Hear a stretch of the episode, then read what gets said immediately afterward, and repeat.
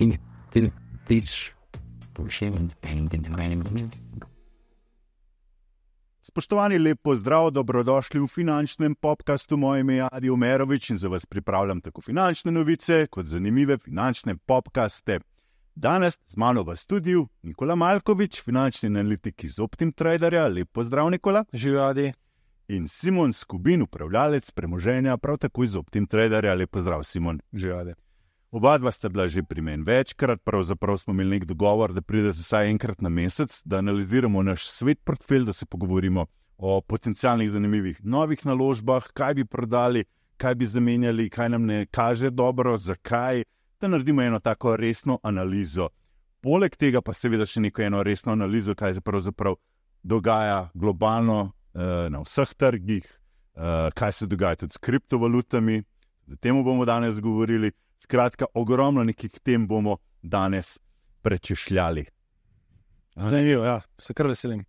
Uh, jaz sem uvodoma tudi pripravil že naš uh, graf iz ponedeljkove oddaje, ne, kjer objavimo tudi naš portfelj, ki je uh, sicer dobre 4 odstotke v plusu. Um, imamo pa kar nekaj tudi minusa noter, ne, o tem bomo tudi debatirali, mogoče en sam tak pregled. Nekateri ljudje pravijo, da je premalo, ne, uh, ni nek prav donos, da bi se z njim pohvalili. Ne? Kakšno je vajno mnenje? Ja, kot smo že zadnjič povedali, ne, nekako poskušamo biti vseeno malo bolj konzervativni. Ja. S tem portfeljem, glede na to, da smo na televiziji ne, in uh, ni fajn biti preveč spekulativen. Uh, tako da jaz mislim, da smo lahko zadovoljni. Uh, Sveda, trgi grejo gor, više, mi smo precej v denarju, mhm. tako da uh, smo res mogoče bili malo preveč konzervativni, ampak seveda to je sedaj lahko biti pameten, ko vemo, kaj se je zgodilo. Tako, tako. Uh, ampak ja, zaenkrat uh, bolj pomembno je to, da počasi rastemo, da gremo nekako proti tem desetim odstotkom na letni ravni, in uh, zaenkrat smo na dobri poti. Treba se zavedati, da smo to dosegli z skoraj 50-odstotno izpostavljenosti v denarju. Tako da, nekako, če bi bili investirani, bi bil rezultat lahko boljši. Tako da to nam nekako pravi, da, kot kaže, delamo ok. Mm. Uh, tako da. Uh, Pravim, imamo pa kar nekaj takih uh, pozicij, ki še upamo, da bo nekako začele delati dobro. Uh, vodni namen je bil pravzaprav pokazati, kaj je sploh portfelj. Ne? Se lahko bi kupili samo eno delnico, vem, uh, pa bi vse denar dal v to delnico in upali, da bo šlo gor ali bo šlo dol. Ampak to ni bil naš namen. Hoteli smo pravzaprav pokazati dolgoročno, kako špilati to igro, ne? kako pravzaprav se zavarovati na neki strani, imeti neke konzervativne uh, stvari noter. In v bistvu počasi, počasi se daleč pride, ne? to je ta zelo pregovor. Ne? Tega se držimo, absolutno. In mislim, da kadarkoli slišiš, če bi kupil pa vse dal v Bitcoin. Ne, ne en če, video, en video. Ja, ali pa če bi vse dali v en video, ali pa če bi vse dal 18. januarja v SMCI, ne bi imel zdaj že 30. Ne? Če bi vzel 100 leverage, bi imel že 3 milijone. ja, vemo, da ne gre, ne, v realnosti ne gre to tako. V realnosti Tako. to ni tako. Ne? Tudi če se ti kdaj posreči ne? in da ustvariš res na hitro tako velik donos, uh, vidva sta izkušena, ampak ponavadi te ljudje tudi zgubijo potem ta donos hitro, ker so nekaj narobe naredili. Ne? Ja, pogosto je ta taka zgodba. Ne? Ko na hitro priješ nekaj denarja, pa si nekako um, meniš, da boš vedno tako naredil. Mm. V bistvu pa to verjetno enkrat v, v življenju se tako nekako zgodi. Ne? Tako, takrat je fajn, da realiziraš, da odnočiš, ker dokler ne realiziraš dobička, je to sprti dobiček, je to še vedno samo na papirju. Je, to je tako da jaz mislim, tisti, če imate kakšne dobre dobičke v tej NVIDI, SMC-ju, mogoče niso to slabi trenutki za malo realizacije delnega dobička. Mm. Vsaj ima, da se odnoči, da veš, da je denar prišel in da si ga realizira.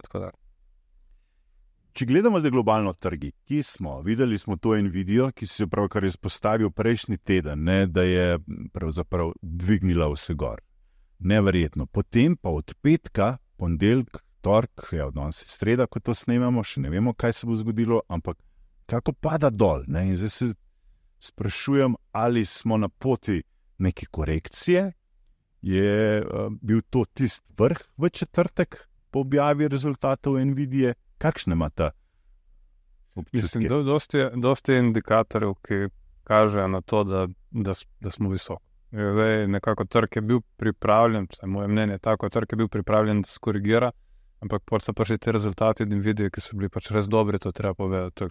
Tega, kaj tazga. So jaz recimo še nisem videl kakšnih tak, takih rezultatov, da bi konstantno, se pravi, par kvartalov ja. zapored prišlo do takih rezultatov pri res tako velikem podjetju. Tako da evaluacija iz tega vidika tudi ne vidi, če bi take rezultate delili naprej in če je ta rast možnost neskončna, potem je tudi ta evaluacija upravičena. Stvar je samo, da v enem trenutku se zna zaustaviti, kajti dosti je teh uh, sentimentov visoko, tudi bolj ali manj so te skladi, momentni skladi, so res konkretno, konkretno long, se pravi, so skoraj da olin. In pa tudi ta opcijska aktivnost nakazuje na to, da je res stanje ne toliko na delnicah, ampak na opcijskih trgih se kaže to stanje euforije, ki spominja malo na tisto leto 2021. Tako da pri opcijah je stvar v tem, da dosti časa gre, gre, gre, dosti časa in po enem trenutku, ko se malo sentiment obrne, lahko tiste vrednosti zelo hitro padejo. Tako da, uh, recimo, SMC je bil ta supermikrokomputer, je bil ena zgodba iz prejšnjega tedna. Kaj se zgodi, ko se sentiment na hitro obrne? Pa ni, ni, ni treba, da se to dosti, samo malo, da se obrne, pa imamo že te popravke, ki so lahko res mhm. velike. Mm. Zdaj mislim, da tudi v enem trenutku bo prišel do neke korekcije, mora prist, ker je trenutno zgleda, kot da so vsi olin. Kaj se bo pa pol tam naprej zgodilo, pa seveda vprašanje. Mislim, moje mnenje, glede na to, da smo v volilnem letu, je, da bo leto še zmeri dobro. Ja. Ampak mi smo recimo pričakovali, tudi takrat, ko smo bili januarja, smo pričakovali, da recimo zdaj pa prihaja, mogoče naslednjem mesecu dva, kakšna korekcija, da lahko dodamo. Ne, da se je zgodila korekcija, v bistvu smo še potegnili gor, primarno zaradi teh dveh delnic, supermikrokomputerja in pa, in, in pa Nvidia. Nvidia ja. Če se to zdaj malo zaustavi, mislim, da neki popravki bi skoraj da mogli biti in verjetno dobre nakupne priložnosti, da, da pridemo noter v določene ja. pozicije, ki jih zdaj trenutno še imamo. Še vedno imamo visoke obresti, ne? trg se pa obnaša, kot da so obresti na nuli, kot da imamo kvantitativno sproščanje. Uh, vse je ta bulran, ne se pravi. Uh... Ja, tako je, vedno, mi vedno moramo analizirati, kaj je tisto, kar je najbolj vroče, ja. kje je največji fokus. In ti se moraš zavedati, da trenutno pričakujejo, še en mesec nazaj so pričakovali šest rezov v ZDA, ja. obrestne mere, zdaj se pričakujejo tri ampak noben o tem ne govori. In to prvega šele junija. Ja, tako. tako. Ampak noben ne govori, ker je enostavno tok hajpa glede AI, glede teh rezultatov, da ni to trenutno ni pomembno. Tako. Tudi inflacija smo videli, da je skočila malo gor. Ja. No, me se tem ne ukvarja. Vse enkrat, ko se pa ja. začeli ukvarjati, bo pa to spet nek fokus, takrat bo verjetno mm. prišlo do neke korekcije. Ne? Dobro, torej rezultati so bili dobri. Se ja. pravi, zdaj to, to letno poročanje, četrti kvartal, je, je, rezultati so bili dobri, tudi SMP recimo je poročal res dobre rezultate, ne samo tistih največjih mm. podjetij, tudi druge so bile kar v redu. In to je tudi razlog, da ni nekega preplaha. Vprašanje, kaj se zgodi s takimi obresti, ali se lahko. Se, se to cash flow je noter, ja. se, se vidi, da se obrača, ampak spet, če malo strukturiramo, iz kje ta cash flow prihaja. Ne? Videli smo Microsoft, Meta, kaj več mi povejte, še vidva, ne? ampak to, ta dva ste glavna, Nvidia. pa Google. Ne? Pa Nvidia. Mislim, to za, za Nvidijo, tako, ja, ja, ja, tako, ja, ki okay. ga generirajo. Okay, prihodki pri, prihajajo iz treh, treh štirih firm. Tako, ja, tako. Tudi prihodki Nvidije, ne, se pravi, mislim, da eno tretjino, 33% je prihodkov Nvidije prihaja od uh, eh, 19% Microsoft in da, mislim, da je nekje 12-13% je meta. Mm. Tudi zdaj to podjetja med sabo nekako krožijo ta denar, tudi teh največje podjetje dela pač res dobro in zaenkrat se to še manifestira noter. Tako se ja. manifestira, vprašanje, če se tukaj zdaj malo zaustavi, kaj, kaj se bo zgodilo. Ampak rezultati so bili dobri. Da... Pazi, mi zdaj gremo gor, indeksi grejo gor, obresti se pač čekajo, da ne bo to krezo. Torej imamo, če če slučajno pride do korekcije, bo lahko rezan, kar je spet pozitivno. Potem imamo ogromno denarja v money marketu, v, den, v skladi denarnega trga, ker mi ta denar, če bo šel obresti dol, bo verjetno iskal priložnosti v delnicah. Tako da kakšne koli korekcije, kot kaže, v letošnjem letu bojo priložnost za nakup. Zgleda, da smo nekako na poti zelo pozitivnega leta, kot smo v prejšnjih letih predsedniških volitev v zgodovini tudi dosegali. Zaenkrat je okolje zelo pozitivno. No? Je, je pa strah, tle, mislim, se, se jaz kot to gledam, kot, kot lajčno, kako se koncentrira kapital v, v majhno peščico delnic. Ne? In ta majhna peščica predstavlja vem, že tri četrtine skoraj uh, celotnega indeksa. Ne? No, no, že spominja na une čase velike depresije 1930.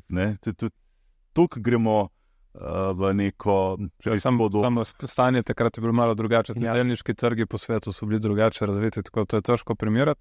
Bolje mogoče primerjava z letom 2000, se pravi, ta koncentracija je podobna kot je bila leta 2000 s tistim dotkom. S tem, da takrat ni bilo cash flow.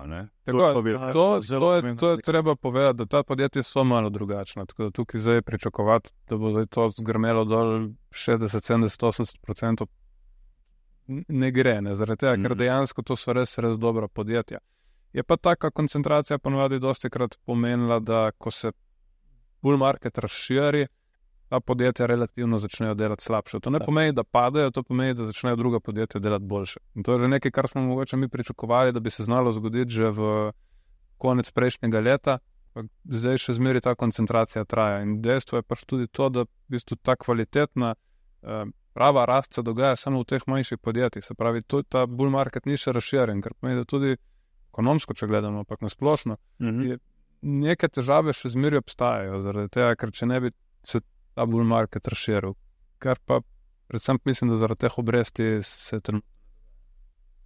Se pa kaže prvi znak. Videli smo v biotehnološkem sektorju, smo zelo lep preboj ne, uh, in tudi rasa 2000, ne, ki smo ga tudi že imeli kaže na to, da bi lahko previl. Ne. Kljub temu, da obresti naj ne bi tako padle, kot se mhm. pričakuje. Pa kljub temu, da je ogromno podjetij, ne vem, koliko je 75% podjetij v raslu, je neprofitabilnih. Ne. Zelo pa treba poudariti, da SMCI ja. ima, koliko ima zdaj trenutno.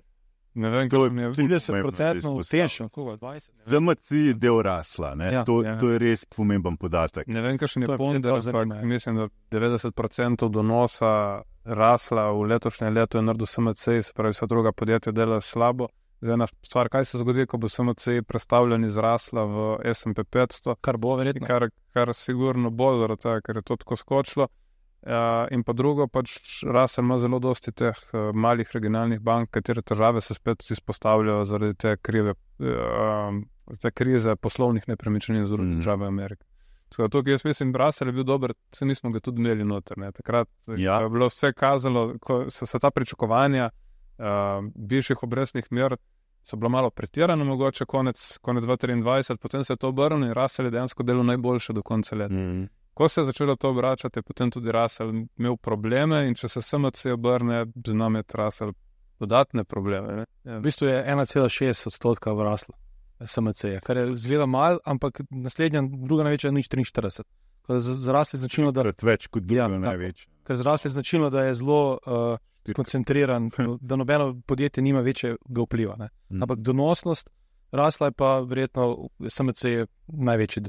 Absolutno, videli Tako. smo od sredi Tako. januarja res 250. Največji, ja, največji doprinos k rasti grasla je pa imel SMC ta gap, uh, oziroma ta krokodilja čeljust med SP 500 in raslom se veča in ponovadi uh, se enkrat ta čeljust zapre. Ja, ali rasel potegne gor bolj, ali pa SP začne korigirati. Ne, tako da ja, teh obrestnih merah, tako visokih, težko je pričakovati, da bo kar majhna pet zadeva, pa fenomenalno. Razen če bo ekonomija res tako ja. dobra. Da... Je pa zelo tisto, kar si uh, nedolgo nazaj izpostavil, Nikola. Imajo denar, ne? recimo tudi Berkshire Hathaway, recimo smo videli, imajo ogromne pozicije v denarju, vsi so v denarju in čakajo. In če pride do majhne korekcije, bojo vsi šli noter in smo spet. Ja, tako je. Uh, če nisi že noter v teh sektorjih, AI, uh, polprevodnikov, kakorkoli že, zdaj težko je noter. Težko je kupovati en video na 800, ja. težko je kupovati SMC uh, na 800. Na 800 ja. Ja, in če nisi, ne, pač kot mi nismo, ne, pač težko je zdaj kupiti. In to že nekako traja pri nas ta zgodba, da vedno čakamo to korekcijo na AI, ok, ni. Ker je enkrat, ja. tukaj si rekel, bo en kvartal dobre rezultate, drugi kvartal dobri, še boljši, pa spet, pa spet. Ampak eh, tako kot uh, Warren Buffett, ne, oziroma Berkshire, ne, čakajo. Čakajo, imajo denar in uh, so pripravljeni na te korekcije, ki se zgodijo. Meni je bil en dober rek, ki pravi: če nisi vedel, kdaj iti noter, kako boš vedel, kdaj iti ven. Ja. In to je, recimo, ja. taki. Uh, ne bi radi se ujeli v ta FOMO, trenutno, mislim, ga, da se bojimo, da bomo kje za model. Pač delamo počasi, kot se je rekel. Važno, da smo mi nekako v plusu, da nismo v minusu. Ne? In dokler je ta plus 4, 5, 6, 7 procent, čisto redo. Ga, ga, ga imamo pa namen povečati. Vedno, no. pa je. Uh, kaj ne en si pelosi v bistvu šla v en video, ne, je bila, to je bilo že tam okoli 500, mislim, ja. da takrat. Ja, ne. 500. Um, nam se to zdelo visoko. Zakaj to izpostavljam? Ne? Ker se zdaj spet veliko govori, da je šla ona v ta cybersecurity stock, Palo Alto Networks. Kdo je propoveduje Nancy Pelosi? U, senatorka. Uh, ena izmed najbolj znanih inside traderjev, trenutno v ja, najboljši trader na svetu. najboljši trader na svetu, ki je v januarju naredila osemkratnik svoje letne plače za delnico Nvidia. uh, zaslužila je, mislim, da milja, milijon pa pol za Nvidia v, v zadnjem mesecu. No. Lepo, lepo. lepo. Uh, ja, zdaj se ljudje sprašujejo, ok, ali ima spet neke insiderske informacije glede Palo Alto Networks, se pravi, gre za nek cybersecurity delnico. Um, vidva, to, kaj spremljate, bi bilo to zanimivo, mogoče zdaj je tlovit tudi uh, se priključiti kakšnim tem insider tradingom. Če bi pogledali grafe teh uh, cybersecurity delnic, ista zgodba kot AI. Ja. Smo, ja, delnice so parabolične, že skoraj zelo lepa rast. Oh. Izjemni donosi. Takrat, ko smo se gledali na decembra, do novembra, ko smo se pogovarjali, smo rekli, da to potencialni neki sektori, ampak takrat tudi ni bilo korekcije in jaz se tega ne bi šel. Ja, za kratkoročno trgovanje, za špekulacije, ja. Ampak za nek ta koncept, ko dejansko se dvakrat na teden odločamo, ali bomo kaj kupili, prodali, Brez. je to lovljenje. Pač jaz jaz čakal, čakal bi na korekcijo. No, je pa zanimiv sektor še vedno, ampak za vstop pa definitivno ne, saj z moje strani. Ne. Je pa zanimivo spremljati, ne si peloze. Ja. Spremljam se že kar nekaj časa, sicer ja. nisem vključen v te sektore, ampak je zanimivo. Mislim, to je kriminalno. To je, to je kriminal, da se priznati, to, kar delajo.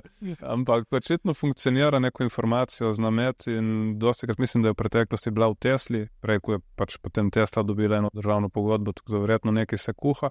Pa treba predvsem pri Palaltu to povedati, da oni so zdaj pivotirali, ne? oni so zdaj pivotirali v uh, umetno inteligenco, pa naj te pivoti trajajo nekaj časa, da se predstavijo na delnici, zato je bil tudi ta padec. Zdaj, zdaj, zdaj, zdaj, zdaj, zdaj, mislim, da nakupila večino svoje pozicije še pred, pred rezultati. Pa še dodala, lahko je pa. In potem mislim, da je zdaj dodajala v popravku, mm. tukaj se zna biti, da se res dejansko nekaj kuha. Uh, ampak bomo videli. Ampak po drugi strani, kako to ni kaznovano in dovoljeno, je pa drugo vprašanje. To, to je težko strategija trgovanja za daljši rok. Pač to je špekulacija, vroča zgodba. Ti moraš pa imeti nek koncept, približno vedeti, zakaj greš v določeno pozicijo ali zaradi fundamenta. Če greš zaradi zgodbe, pa veš, da jih hitro tudi ven ko ni zgodbe, pač greš ven. Ampak tukaj kupujemo bolj neke fundamentalne zgodbe in srednje do dolgoročne zgodbe. Bolj, no. Zanimivo, mislim, da je samo mogoče kot ja, ja. zanimivost, ko smo že pretenili inside tradingu. Mislim, da je Hillary Clinton, če se ne motim, je obogatela na podoben način, takrat že v 70-ih ali 80-ih, mislim pa takrat trgovala na terminske pogodbe na govedo. Ja, ne, nekaj takega zdaj. To je bilo dosti bolj, če tako pogledaš, malo bolj, uh, za moj pojem, bolj sofisticiran način, ne, veš, tako že nekaj čud, malo drugačne informacije, malo bolj skrito. Tukaj pa v bistvu vse odprto, pa njen mož, mislim, da ja, njen mož, njen mož trade in postavlja in zaradi tega, ker to dela mož nekako. Ni... Gre čez. Ja. Gre čez. Ja. Sila cona. No, poglejmo mi, kaj imamo v našem portfelju. Uh, skratka, najbolj donosen je Disney. To je bilo trenutno 25 odstotkov, skoraj uh, je ustvaril ne, od našega nakupa. Uh, Bitcoin ETF je na drugem mestu, čeprav, če bi danes gledali, mislim, da je Bitcoin zdaj že prihajal. Ja, Tudi mislim, da če bi danes gledali, smo nekje na 6,5 odstotkih celotnega portfelja, uh, portfelja ne, je že zrastel. Um, ja, potem imamo defenzivni dividendni ETF VGVE, ki sledi 1762 delnicam. Tako sem ponosen, da se tega res spomnim. Vsak čas. Body Energy, proizvajalec uh, premoga, tako industrijskega, kot tistega, ki ga potrebujemo za elektriko je bil tudi več v plusu kot zdaj. Ja, zdaj imamo malo težave, v nadaljevanju, da bomo tudi o tem govorili. Potem imamo Alibaba, ki je zmanjšala minus, mislim, da je bil na zadnji minus 20, 15, ja, minus 20 odstotkov, zdaj je padel na minus 10 odstotkov in se še popravlja. Uh, in te zadnji, Pan American Silver, rudniki zlata in deloma tudi srebra, ki ga bomo pa danes prodali tudi ne? V nadaljevanju oddaje. Vse lepo počasi. Mogoče, če začnemo z našo, uh, se pravi, najboljšo, vsaj po tem zadnjem grafu in to je Disney. Ne? Imam graf Disneyja tudi. Ja, ja, za tiste, ki nas gledajo, za tiste, ki nas pa samo poslušajo, in so, uh, bomo pa. Priporočam, da nas tudi pogledate. Da nas tudi pogledate, ne samo tebe. in vajo, se smo si luštni, ampak dobro.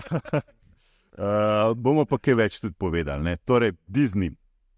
Uh, ja, v bistvu zanimivo, ne? kako ko je bil na 80, smo vsi nekako se bali, kaj bo zdaj, gremo ven, tako včasih se tako zgodi na trgih. Dodali smo dokaj ok, mislim, da super smo dodali tisti še 5%.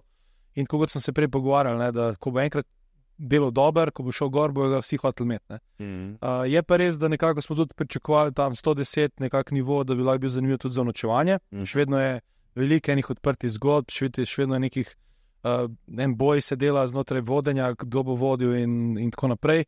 Uh, novi člani uprave in tako. Uh, tako da rezultati so bili v redu, imamo tudi pozitiven trg. Tako da jaz bi nekako tako rekel, da pustimo mu, da vidimo, če slučajno potegne proti 120-125, ampak če bi pa recimo tečaj padel pod 105, bi pa razmišljali, pa, da v nočemo realiziramo dobiček in ničemo novo priložnost. To bo še vedno zelo ok dobiček, mislim, da bi takrat naredili 21% donosa na pozicijo. Tako da mislim, da je to zelo v redu. Ne bi se pa zdaj še odločil za zapiranje, ker rad bi pa pustil vseeno malce prostora, zato da če potegne nad ta zadnji vrh, ki se je zgodil nekje na 112, 113, recimo, da bi potencialno lahko šli na 120, 125, to je pa še dodatnih 15%, kar se mi zdi škoda, da pustimo. Uh, Premik, Ker se nam je že zgodilo v preteklosti, da smo zaprli, recimo, Louis Vuitton, prehitro, prehitro pa rasli, recimo, in zato malce ne bi še prehitro tle zapiral, ampak ne bi dal tudi preveč prostora ja. za obrat. Do. Zdaj so tudi oni ugotovili, da je dobro, da začneš omenjati umetno inteligenco, sicer noben še protočno ne ve, kako lahko njim to pomaga. A Disney je tudi začel? Mislim, da je nek, en uh, activist investor, se pravi, nekdo, Aha. ki hoče prisnotriti v ja. Pravi, že omenja neke nore cifre in to lahko kdaj kakšne algoritmične trgovce hitro potegne in to delnice lahko. Tako pride na neke nivoje, ki jih recimo nisi pričakoval podobno kot pri Louis Vuittonu. Ne, tako recimo rekli, ok, ne bomo počakati rezultate, zdelo se nam je super, mm. od tistih rezultatov je skočil še. Mislim, še ne, deset po deset. Ja. Mislim, zelo pomembno je to, da, da povemo, da se z nobeno delnico ne bomo poročili. Ne? Ja. To je ključno. Tudi če gre pol gor. Kot... Jaz sem zali babo. Ja, sem zali babo. Ki sem jih rekel, obrnil. Ja, ne vem, če se obrnil. Vitor je ali babo. Zaenkrat je ok. Na boju, če mi prsten gor, ne? Ali baba. Ja. Pravim, eno je, da se ne poročiš, eno je pa, da imaš tako velikost pozicije na portfelju, da tudi če naredi malce večji minus, ni tega vpliva na portfelj. Druge, če mi da 100% ali ja. kot si prej povedal, ampak 10%, tudi če gre na nič, konc koncev, si izgubil 10% ampak pravim, na nič tako podjetje težko gre, ampak uh, bi že prej verjetno se odločil. Ampak ja. Dobro, predlagam, da, da gremo kar na naslednji graf, oziroma našo drugo največjo pozicijo, Bitcoin. Ne? O tem uh, je pa res veliko govora, zdaj le v zadnjem tednu, ko je prebil tudi zdaj to mejo 50 tisoč, in uh, se vsi sprašujejo, kam gre, kje se bo ustavil. Okay. Jaz sem vesel, da smo vsaj v eni zgodbi, teh vročih zgodb. Ja. Ali nismo, nismo bili v cybersecurity, tako da vsaj Bitcoin smo nekako ujeli, kar je ok, dela dokaj v redu. Uh, v bistvu se nekako dogajajo se primeri, mislim, to, kar se dogaja, smo nekako pričakovali. Ne? Torej, res ona osnovna logika ponudba poboljševanja. Mm. Prišli so ETF-ji, vsi smo se nekako sprašvali, ali bo to res vroča zgodba ali ne, prišlo do tistega prvega unočevanja ker, se, je denar šel iz GBTC-ja, največjega takrat ETF-a, eh, e oziroma še vedno. Ampak a, od takrat naprej vidimo pa a, zelo lepe premike. Zelo lepe premike, vsak dan ogromno, ogromno a, prilivov. Sedaj na tem grafu kažemo Bitcoin v evrih. A, seveda, mislim, da je rekel 90% ljudi spremlja v dolarjih, ampak vseeno mi smo kupili BTC ETF, ki sledi Bitcoinu v evrih. Tako da, da tudi pokažemo ta graf. Ko kaže, gremo proti tem 60 tisoč evrih uh, zadnjimi vrhovi. In, uh, moje mnenje je tako, če bi recimo, če gremo zdaj v dolarjih, ker je tako večina gleda v dolarjih, nekako danes, ko smo uh, to začeli snemati, smo na 59,500. Zadnji vrh je bil recimo okrog 70 tisoč. Uh, in nekako, ko bomo, bomo presegli ta nivo, bo veliko pisanja o tem, novi vrhovi, zgodovinski vrhovi, bull market, uh, veliki donosi, to se bo pisal, američani to berejo, gledajo in uh, ta FOMO se bo še bolj aktiviral, da mm. ta bojazen, da kaj zamujaš. Ne? In to je tisto, kar smo se pogovarjali. Jaz mislim, da iz 70 potencialno na 98, 100 lahko gremo potencialno zelo hitro. Je res, da gremo zdaj že, že neko paraboliko, ne? že res gledati tako, tako da kakšna korekcija je definitivno uh, v igri, ampak če bomo prebili, bo pa po mojem ta prehod hiter. Ne? In uh, tudi, če se ne motim, Fidelity, ne, ki je en izmed ogromnih, ogrom, velikih igralcev v, v ZDA, je začel s svojim tem alokacijskim uh, portfeljem, ne, ki jih ponuja svojim strankam, je dodal 5% alokacijo v kripto. Ne, v kripto, v kripto, ne v Bitcoin. Ne, pač kripto. v kripto, ampak vemo, da trenutno je pač Bitcoin, alfa in omega. Tako, če, pa ETF je zaenkrat samo v, na Bitcoin. V, v Bitcoin. Govorimo o ZDA. Ne? In pač, če daš ti kripto, boš pač šel v ti ETF, ko je, ne? če boš hotel imeti vse na svojih trgovalnih računih pri Fidelity. A, tako da jaz mislim, da tle je opcija, da gremo, da gremo še više. Ne? Tudi recimo podobno popraševanje. Je zelo zanimiv, uh, zelo podatek. Recimo, če daš naslednjo sliko. Ne?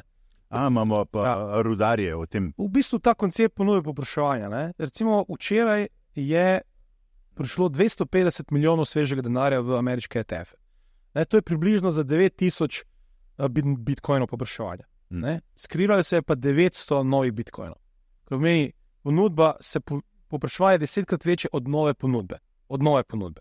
Kar je Kaj ti, zakaj gre sploh biti zakaj gre cena gor? Ja. Ja, ker je enostavno več je popraševanja, kot se pa nove ponudbe naredi. In pač ekonomska teorija pravi, cena mora iti gor. In zdaj, kje bo, ravno, kje bo to ravnoteže, ne vemo.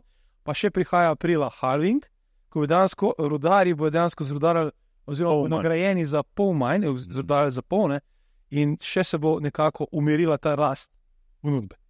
In če bo ta inflow, recimo, da dosežemo nove vrhove, še dodatno tako, vsak, vsak dan 250 milijonov, ne, cena mora iti nekako gor. Ne. Zdaj, kje je ta vrh, ne vemo, ampak zaenkrat zgleda ok.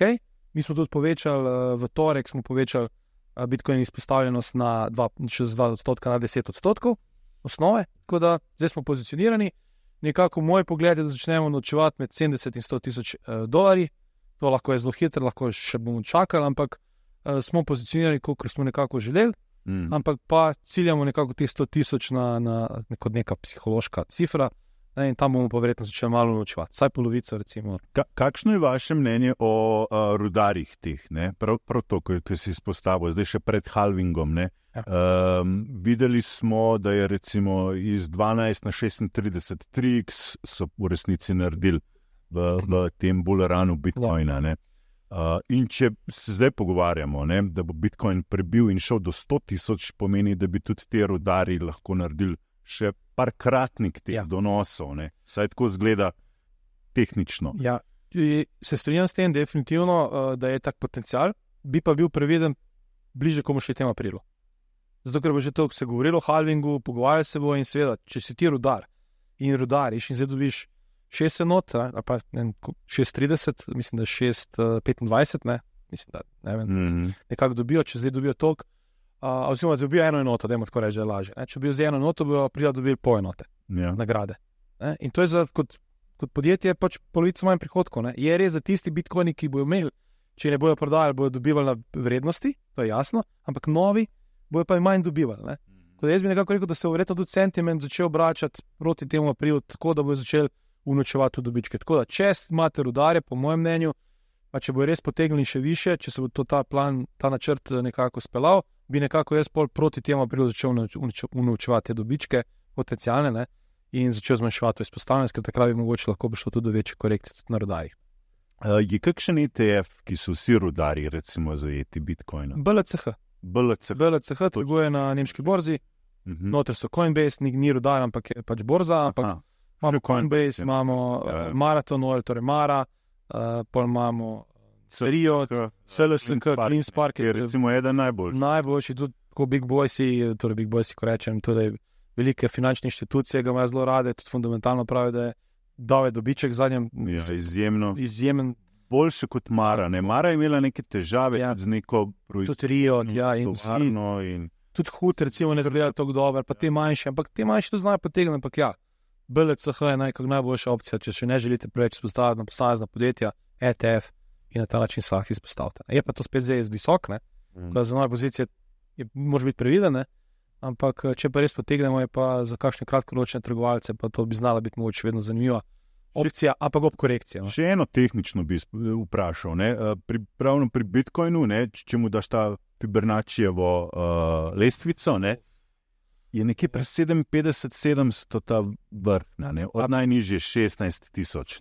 A bi to Fibonacci se pogovarjali? Mi za to malo preveč zapleteno, če se pogovarjamo o Fibonacci, ek, eh, teh ekstenšnih in tako naprej. Če sem rekel, če sem sam ja. tehnični, ne sem čisto kome, ker, ker vem, Nikola, da si tu tehnični ekspert. No, ja. Če to prebije. Uh, za une tri poslušalce, ki vejo, kaj govorim. ja, pač jaz bi se bolj držal te zgodbe, momenta, res osnove, ker zaenkrat ta osnova dela najboljše. Usmo Fibonacci, Fibonacci vedno lahko najdeš nek atle so dobili, ker je to, atle se pa ni odbili in pač ne. Ampak, demo tako, zgodba je zaenkrat ok, pozitivna in držimo in uh, stavimo na to, da bi lahko šlo še više. Dobro, gremo kar naprej z grafi, da ne kompliciramo. Ne, še svečite, ki še začne govoriti. Zanimivo je razmerje med uh, Bitcoinom in zlatom. Ja, v bistvu gre za razmerje uh, uplačil, izplačil v ETF oziroma podobnim produktom, podobnim ETF-om. No. Ja. In tukaj vidimo ta zgodba, um, ker gledamo, da imamo tudi uh, Pan American Silver, smo tudi v zlato, ne? ampak ta zgodba novega zlata, digitalnega zlata med Bitcoinom in zlatom. Ne? In tukaj vidimo, da dejansko nov denar, svež denar prihaja v kripto, v Bitcoin ne? in gre ven iz zlata. Zdaj se mi je zelo lep graf, da ga pokažemo, da mogoče odpremo to debato, da imamo Pan American Silver, da se malo pogovorimo. Ne? Kakšna je v bistvu prihodnost, uh, potencial tudi uh, rodarjev. Recimo, če pogledamo naprej, ne, uh -huh. uh, na graf bomo videli Pan American Silver. Ne, dejansko zlato je relativno se dobro drži. Smo na 2000, ne, seveda, ne dela to v primerjavi z Bitcoinom, ampak smo dokaj visok. Ne. Ampak če pogledamo pa rodarje, pa vidimo, da so precej slabši ne, in tu mogoče Stvar... V, v ponedeljek sem ravno to v vdaji izpostavljal, tudi ETF, GDX, recimo, ja. ne, kjer so notar rodari, ja. spet košarica rodarjev. Ne. In se nekje na 34 odstotkov niže, kot recimo uh, da je oktober, oziroma takrat, ko je, ko je bil tisti bolj ran. Kar se tiče tistega grafa od Bitcoina, ETF in uh, Gold ETF, mm -hmm. situacija je taka, to je za zahodne trge značilno. Spravi, v zahodnem svetu se zdaj vzpostavlja ta zadeva, da se kao uje mm -hmm. v bistvu Bitcoine in da se gre ven iz zlata. In to se vidi tudi pri malih vlagateljih, dejansko zapuščajo. Ampak zlato ostaje na takih nivojih, zaradi tega, ker Azija, vzhodni trgi uh, in pa centralne banke, in to ne govorimo o centralnih bankah zahodnega sveta, čeprav tukaj noter recimo vključena Poljska. Mm -hmm. Lahko rečemo, oni so rekli, da bojo, mislim, da Poljska napovedala, da bo zamenjala, eh, se pravi, z 10% izpostave svoje bilance, bo dali na 20%. In to je tisto, kar trenutno drži zlato na takih nivojih. Tako da zlato že bi začelo rasti, samo če bi se eh, te odlivi malih vlagateljev zahodnih ETF-ov, če bi se to ustavilo, je to že, pred, mislim, to že nekaj, kar bi lahko potegnilo na zlato na vzgor. Trenutno je ta zgodba z Bitcoin nasproti zlatu, je vodo in deluje. Mm. Vprašanje je, da se bo to enkrat zaustavilo uh, in se bo ta sentiment uh, mogoče začel malo obračati. Kajti jaz mislim, da se central, nakupi centralnih bank še ne bojo tako hitro končali, zaradi tega, ker so se odločili, da bodo začeli svojo bilanco malo spremenjati, ker je bila preprosto preveč vezana na državne obveznice in te državne obveznice za moj pojem, za naslednjih nekaj let, oziroma lahko tudi kaj več kot za naslednjih let, nekaj let, ne izgledajo najboljše. Tako da neka diversifikacijo bojo izvedli in to bo verjetno dalo, uh, nek, bo dajalo biti, če tako lahko rečem, nakupno, nakupe še kar nekaj časa naprej. Mm -hmm. Kar se tiče parodarjev, je pa zdaj tako, zdaj GDX, GDX je zdaj združen pač teh največjih delnic, situacija je taka, da te rodarje so na teh nivojih z namenom, oziroma imajo, imajo razlog. Ni, ni to neka manipulacija, kot nekateri govorijo. Dejstvo je, da dajo ven slabe rezultate, ki so posledica tega, da so preprosto stroški postali previsoki. Ja, in tukaj je pa zdaj ta divergenca, in to je mogoče tudi ena zadeva, ki je zanimiva potem za naprej, ker industrija se po dosti letih, ko ni, recimo zdaj par let, ni bilo treba nič spremenjati, zdaj pa je treba spremenjati, ker cena delnice to izkazuje.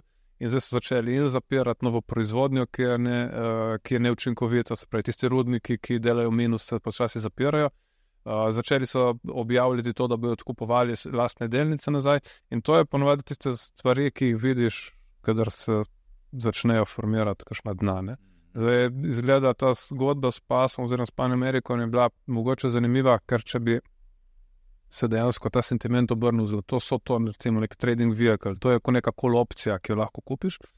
Zdaj pa je vse skupaj malo bolj nestabilno in tudi zdaj, kar smo govorili, da v bistvu prodamo to delnico in dejansko zakaj bi držali vsaj za nek tak portfelj, kot ga imamo mi tukaj na televiziji, v neki taki manjšem rodarju, če imamo možnost iti v Newmont Mining, ki je največje rodarsko podjetje na svetu, ki je ravno tako v podobni korekciji. Tudi imamo graf. Uh, super.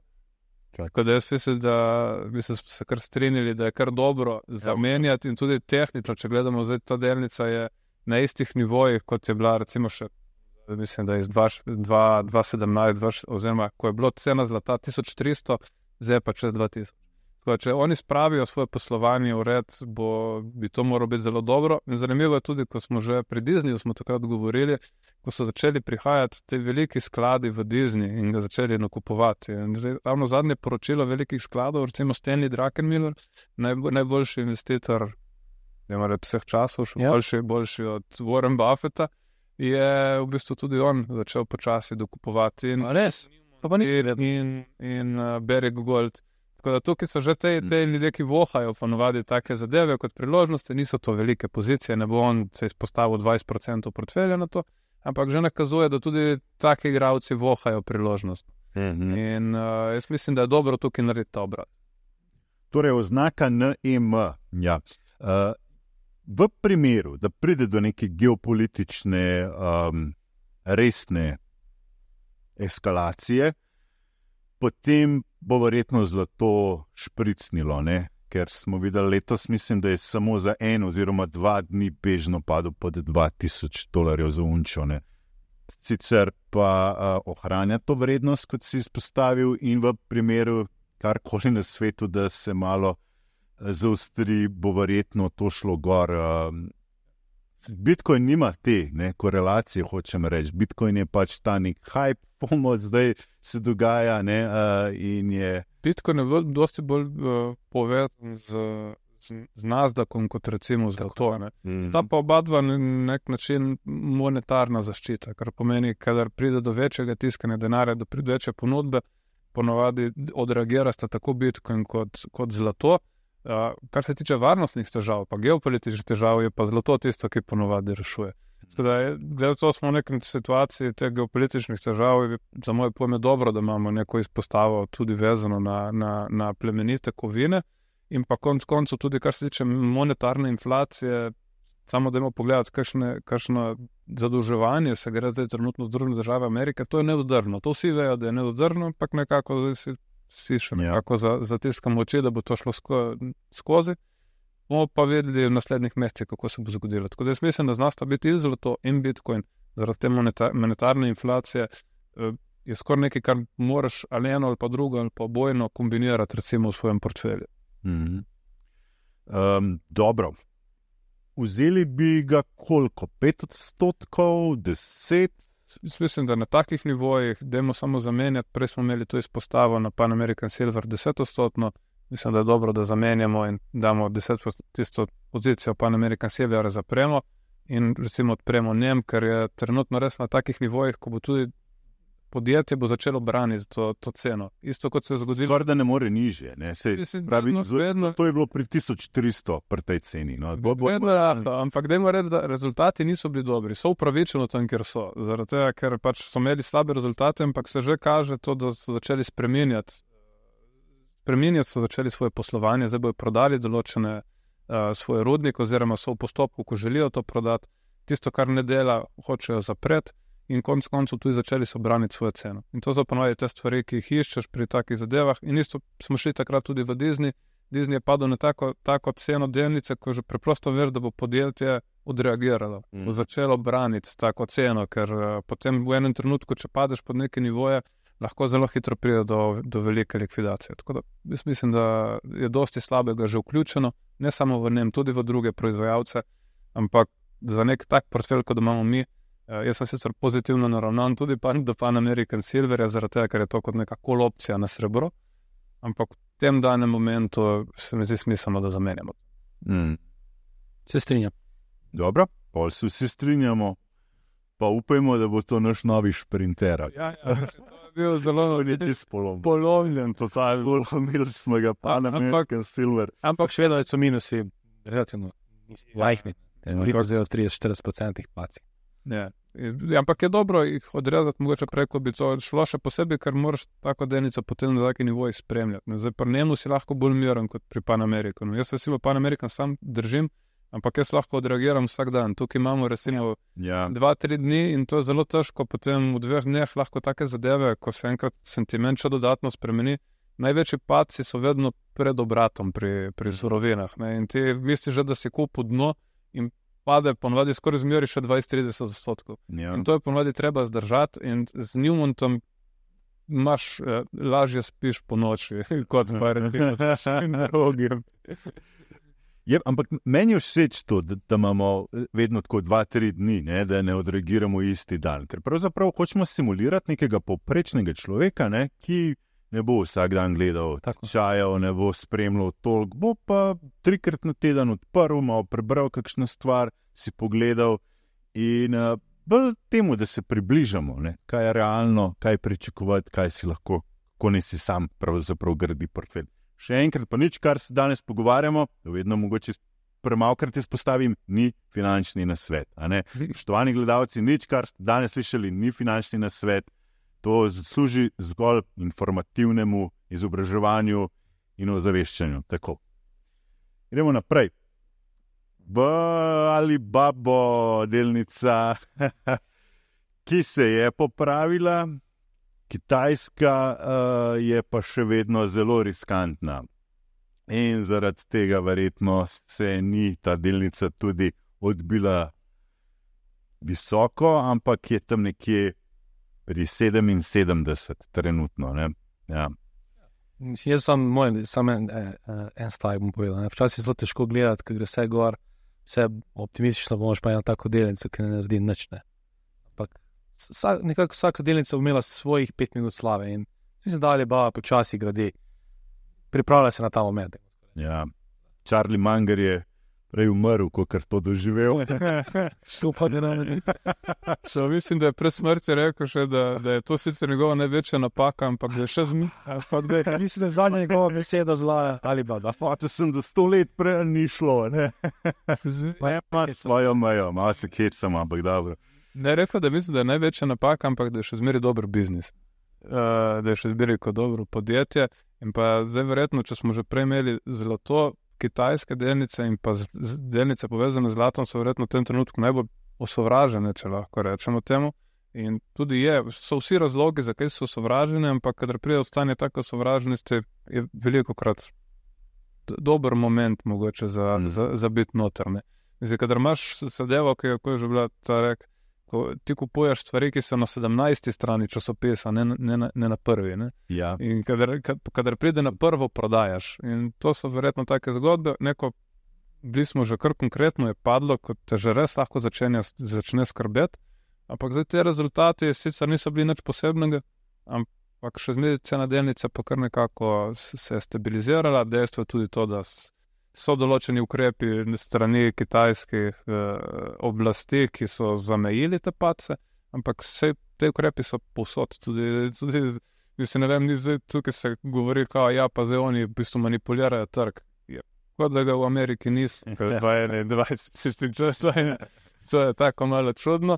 In pa zdaj, kar se tiče riskantnosti, ne mogoče še samo beseda, kar je meni recimo zanimivo, ko se govori o tem napadu na Tajvan če bi prišel do napada na Tajvan, mislim, da prva stvar, ki jo prodaš, je Nvidia, ki proizvaja vse svoje čipe v, v Tajvanu, semikonduktorje, se pravi na Tajvanu. Tako da, če pride do tega napada, Nasdaq ni varen pred tem. Ne? Tako da, zdaj to, da govorimo o tem, da je Kitajska uninvestable, ja, se mogoče dejansko, ampak zaradi tega, ker so slabi podatki. Mm -hmm. Če pride do napada, potem nočeš biti v, ne v SMP-ju, ne v Nasdaqu, potem kupiš fizično zlato. In uh, Mislim, da če smo že v takem unem, da špekuliramo o teh napadih, je, je treba razmišljati mogoče malo dlje kot samo to, da se pa ne investira v kitajske delnice. Kitajske delnice so na dnu ne zaradi tega straha, ampak zaradi tega, ker je kitajski slabo. Če se to obrne, bodo tudi te delnice verjetno začele delati dobro. Kaj naj še naredijo, da, obrnejo to, ne? da obrnejo ta trend? Zdaj se tudi nekaj izpostavlja, da bojo umetno inteligenco povezali z Alibabo.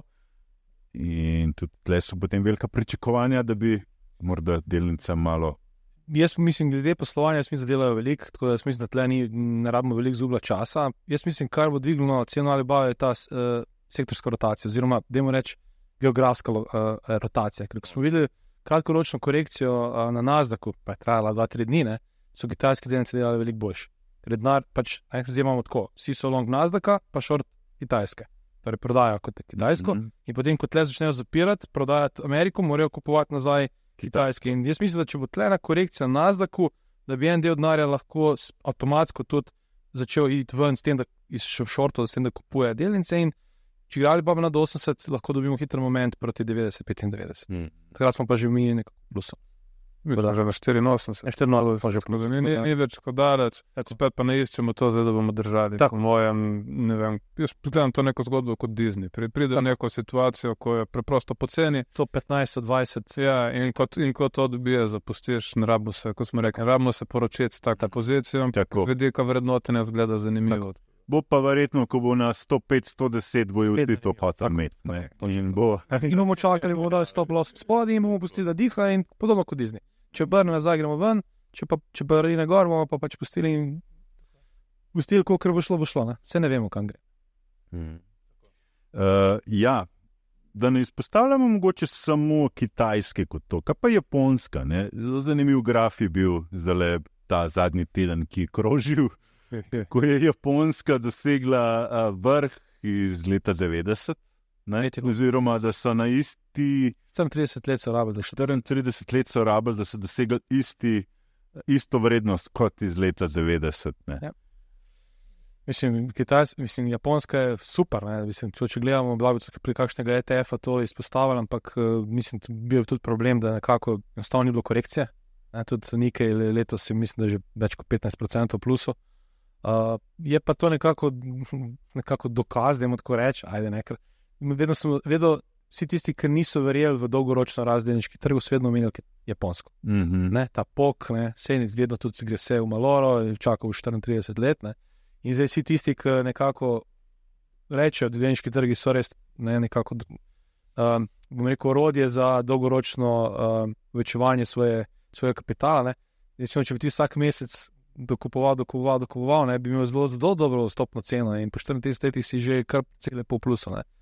Tako da, um, še en dokaz. Šlo na šala, ki ti kroži po Twitterju, že iz Titanika, veš, ko je gospa. Je bilo 86 let, to je že isto tle. Po 34 letih. Je pa bilo na nuli. Ja, ja tiskaj kupuje, ampak zdaj spet pa pride tisti, če pa mesečno vlagaš, ne, pa vse te pace v, ne, pobereš in pa imaš niz, ja. ni, nižjo poprečno ceno in si zdaj kar precej plus. Ampak spet, eno je mesečno vlaganje za dolgo rok, eno je, da imaš enkratni kapital, ki ga moraš oplemeniti, in tako naprej. Tako da, različne zgodbe so. Je, je pa mogoče tudi pri japonski to, da je, je bila zgodba tudi januarja. Oni so res tako skočili, ker je kapital.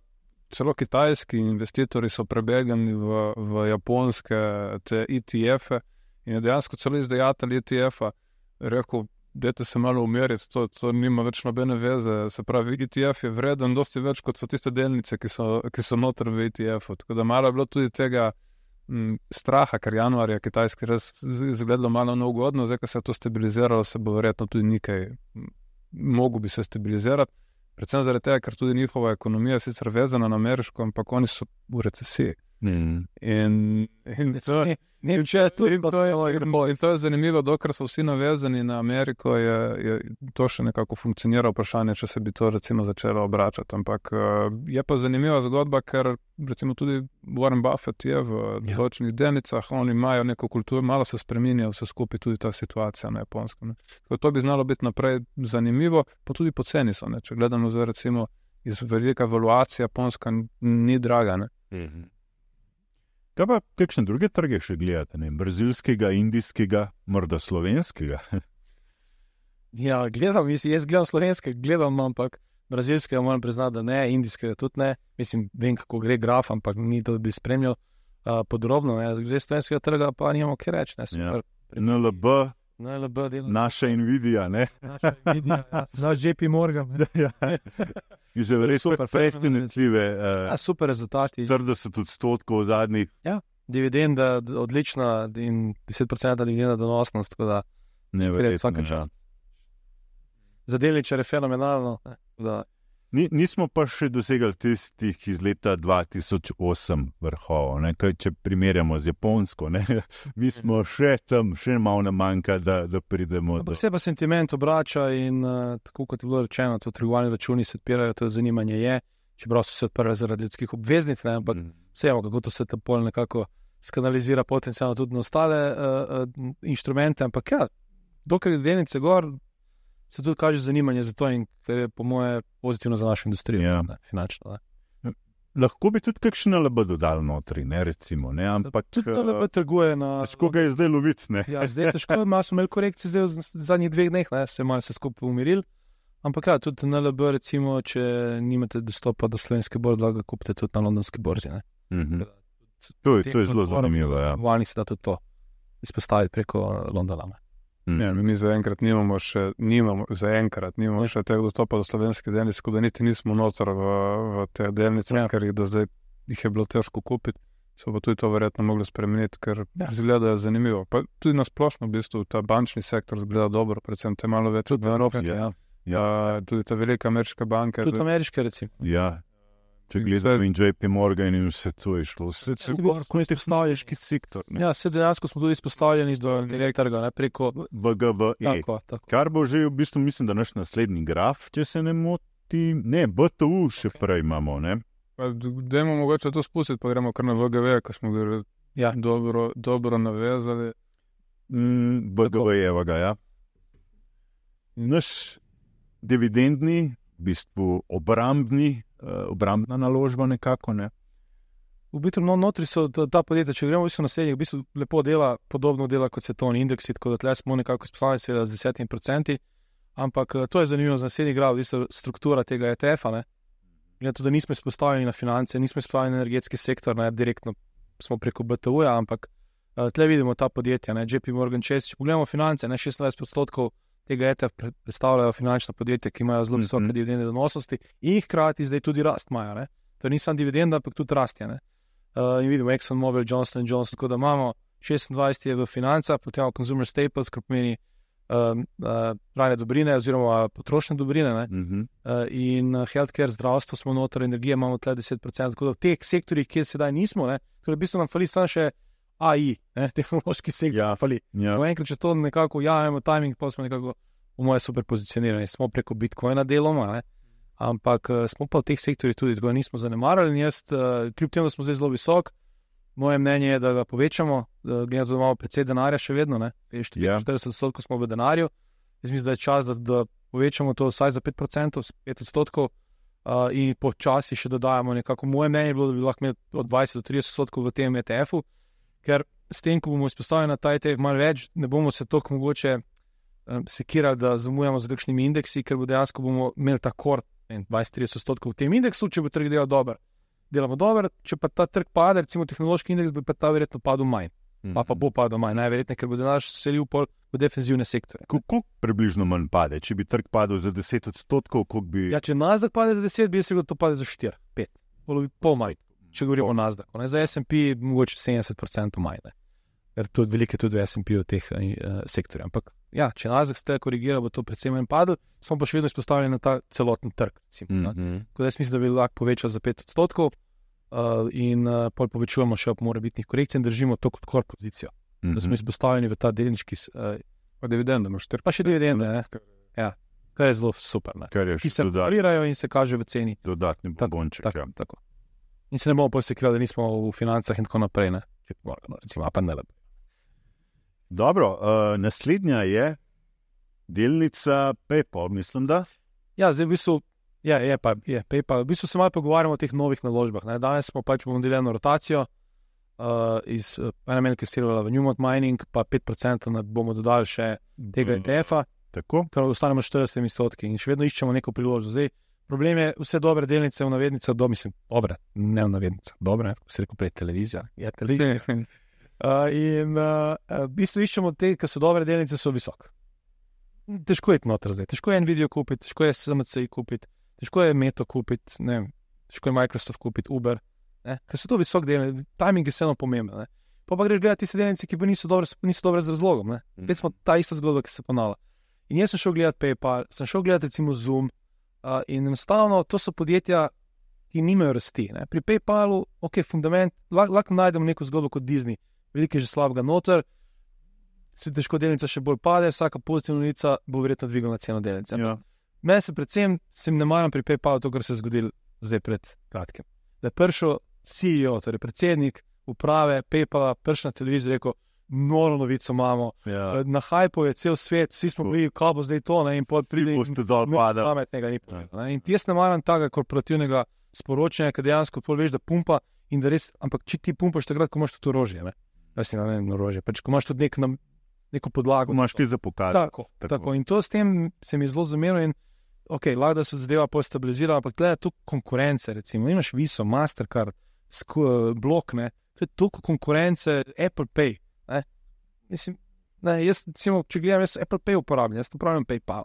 Mm. Isti koncept je vse in tudi veliko trgov- trgovcev že v Sloveniji ima Apple Pay možnost. Ne. In nekako ne vidim opcije, da bi, to, uh, da bi našel neko zanimivo zgodbo. Ja, mogoče če še pade, pa da res rečemo, zdaj, če pade z 10-15, rečemo, zdaj pa reže veliko slabega noter, Mm. zdaj pa je opcija. Ampak če to pade, bo verjetno tudi padlo dobre firme, pa bomo jih raje iz tiste iskali, ali Uber, ostali, ki smo se Mhm. pogovarjali. Recimo podobna zgodba je Zoom. ne.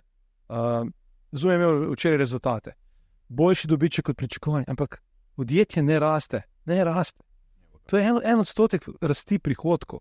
Ok, dobiček je bil boljši, kar pomeni, da so optimizirali svoje poslovanje in, in to, ampak mislim, ne najdem nekega oprijemljivega uh, razloga, zakaj bi kupil Zoom, namesto da neko, neko dobro delnico ob korekciji. Ne. Da kljub temu, da imamo 40% denarja, trg je visok in bi raje še vedno počakal teh 40% na eno korekcijo, če do nje pride in mogoče gradil ta VGV do teh 30%, ko pa da gremo neke take delnice, ki so res bite, so zbite, ampak Ja. ne vidim pa neke, neke zgodbe, ne triggerja, ki bi lahko se odprl tle, da rečem, to je pa zdaj super. Ne. Zuma tudi veliko konkurence, od Teamsov, od Microsofta naprej. Ne. Da, če že bi mogoče razmišljal o bloku, ne, ki, ki je pač uh, lastnik uh, Squarea, pa Cash Appa, ne, v ZDA, oni so recimo imeli dobre rezultate. Mislim, da ga tudi imamo. Ja, recimo to je Square. Ta zadnji graf je Tako. uh, Square Block. Ja. Recimo, ne, oni so imeli dobre rezultate, 15-odstotna rast prihodkov, glede zadnjega Mhm. kvartala, glede na lansko leto. Šef je bivši. Jack Dorsey, tweet šef, eh, mislim, je naredil Twitter. Twitter, ne. In vidi se nek, ne, neka zanimivost, tudi zanimivo je pri analitikih, ne, to niso tako negativni kot na Zoom, pa PayPal. In recimo, če že bi pol razmišljal o tem, ne, e, če prebije, recimo, vidiš, imamo tam zelo vrhove, okoli 80, ne, in če bi tle zadeva začela malo prebijati na gor, bi mogoče začel graditi pozicijo, ne, ampak mislim, da trenutek še ni ta prav, ker če bomo imeli neko korekcijo na delniški trg, bo tudi uh, blok skorigiral in ga bomo pol lahko potencialno iskali okrog 70-65 dolarjev, Tako da bi nekako čakal na te, na te priložnosti. Vse ostalo je pa visok, Pa vi ste. visok in ne bi se rad ujel v to občutek, da kje zamujam. Zaenkrat nam gre dobro, če bo, če bo trg delal dobro, pa Bitcoin delal dobro. Ja. Mogoče samo eno besedo od PayPalu, ne, ker Ja. ja. sem ga šel tudi gledati. in Mi je, ker mi, je- mi je bil zanimiv, pa dobil sem nekaj informacij z ljudmi, ki so noter, znotraj industrije, da je zanimiv, pa da jim je, da jim je to dobra delnica. Ampak jaz, razen tega, da bi prišla neka novica, da so objavili neko partnerstvo, nisem videl prav nekega razloga, zakaj bi šli tle noter, mogoče razen samo za trade in stvar je pri tem, pri tem partnerstvu, ti kot investitor ne moreš vedeti, Recimo, da bi se z X-om povezali. Ne? Ja, To je bila ena špekulacija. ne. Ampak to je, to je pač to, to je špekulacija, to pač ni nekaj, kar lahko predvidevaš, ampak to je isto, kot da bi zdaj vrgel kocko in pač zbral eno podjetje, ki je pač ima možnost za neko tako novico in potem mogoče pade, mogoče ne. Tako da Mm. ne vem, če je to smisel tega, kar mi tukaj delamo, Tako. da gremo na neke špekulacije. Lahko bo zdaj prišla objava, da so se povezali z Exom in bo to odletelo ne vem kam, ampak da, da si pa to lahko predvidel, je, ne moreš reči.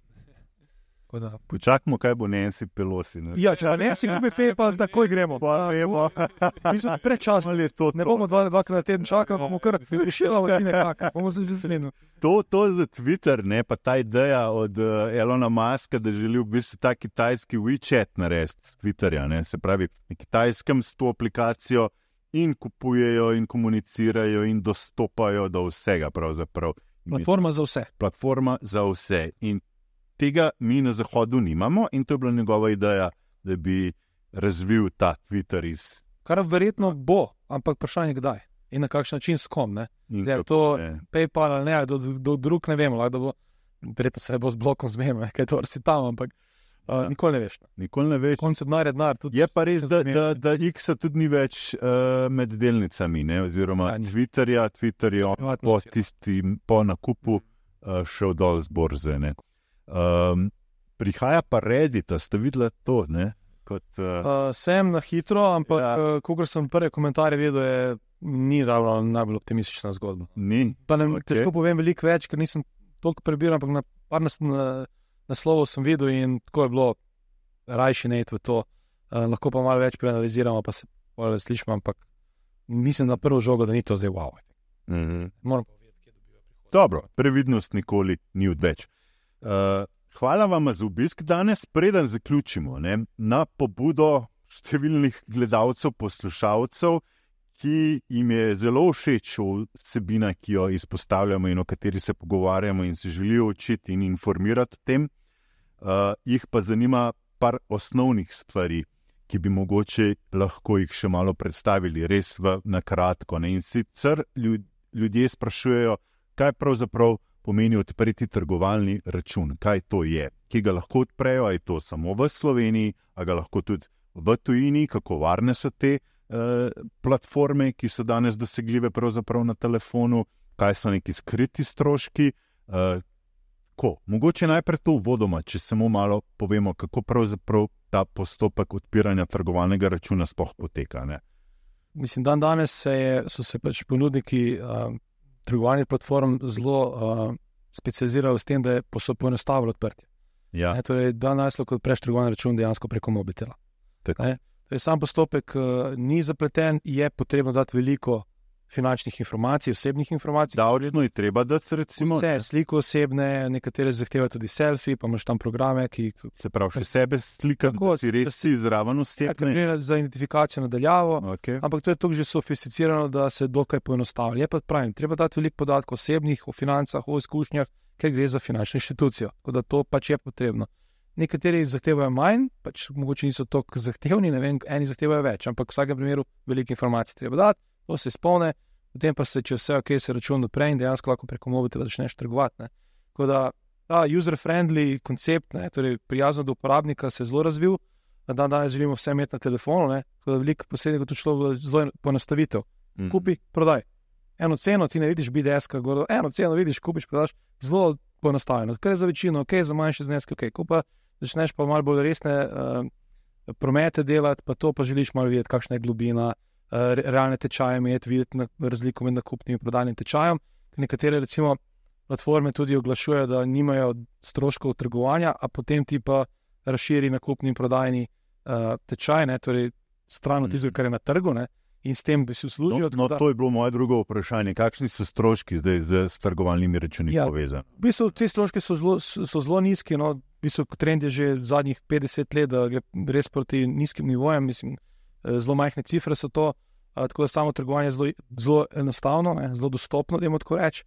Kar pa ne pomeni, da bi vsak se moral tega iti, ker seveda, kar je dostopno, še pomeni, da je dobro. Da je za vsakega. Ja. Na to je treba biti pozoren, pogledati malo zgodovino uh, posrednika, kje je registriran, ne, eh, če je registriran v nekih takih davčnih oazah, treba biti malo previden. Ne, eh, če ima neko zgodovino, da je to že nek posrednik, ki je že 10, 15, 20, 30 let več na, mhm. na trgu, je to sigurno plus. Ne, a, tako da to so take stvari, na katere moraš malo biti pozoren, definitivno. Mm -hmm. Tudi, recimo, mi dobimo veliko vprašanj iz, iz ne vem. Pa ne bom rekel Cipra, ne, ampak ker še to, okay, ampak iz takih res davčnih oaz, so registrirane firme, ki trgujejo s odpiranjem, da je to za dobra firma. To je prva stvar, da ne. Mislim, ja. Prva stvar je, da ne, če ne, zakaj ni regulirana. Tako je rdeča zastava. Ja, ne, tako, to že s tem zmanjšaš tega. Lahko je vse ok s, to, s tem posrednikom, ampak Absolutno. to je eno dodatno tveganje, ki ga ne potrebuješ, glede na to, da je na trgu precej, precej dobrih uh, posrednikov, ki so regulirani v pravih eh, državah in tako naprej in so res že tok in tok let na trgu. Uh, še to bi bilo potrebno izpostaviti, da uh, bo treba plačati davek. Ne? Z vsakim nakupom prodajo si dolžen to tudi sporočati ja, davčnim upravam. Ne, boš plačal davek, ne, če imaš izgubo, ga ne rabiš plačati. Ampak poročati. Tudi če imaš izgube, ja.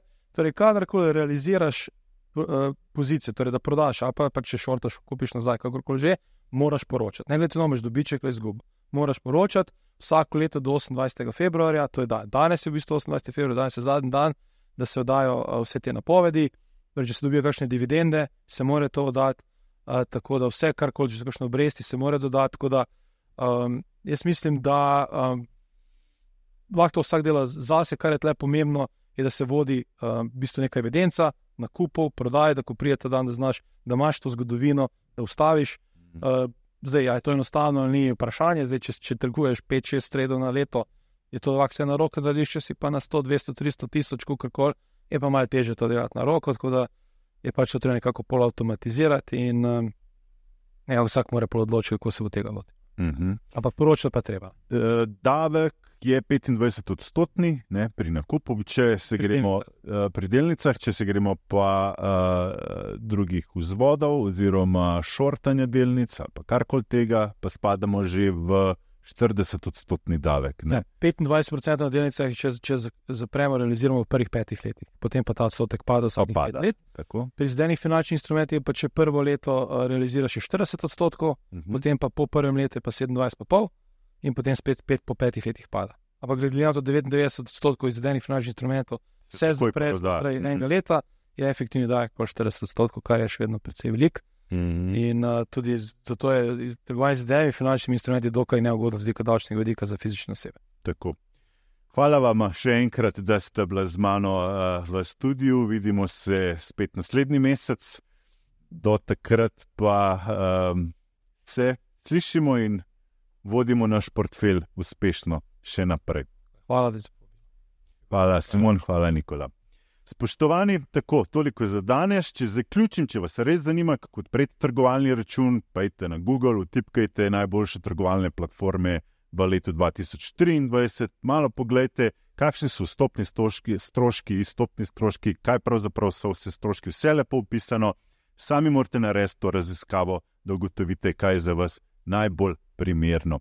Hvala lepa za vašo pozornost, uspešen teden vam želim in spremljajte nas vsak ponedeljek v znotraj informativne oddaje Svet na kanalu A, kjer pripravljam rubriko Finančni svet. Ob torkih objavim finančne komentarje na spletni strani 24.com in ob četrtkih z zanimivimi gosti v finančnem podkastu. Hvala lepa in lepo zdrav.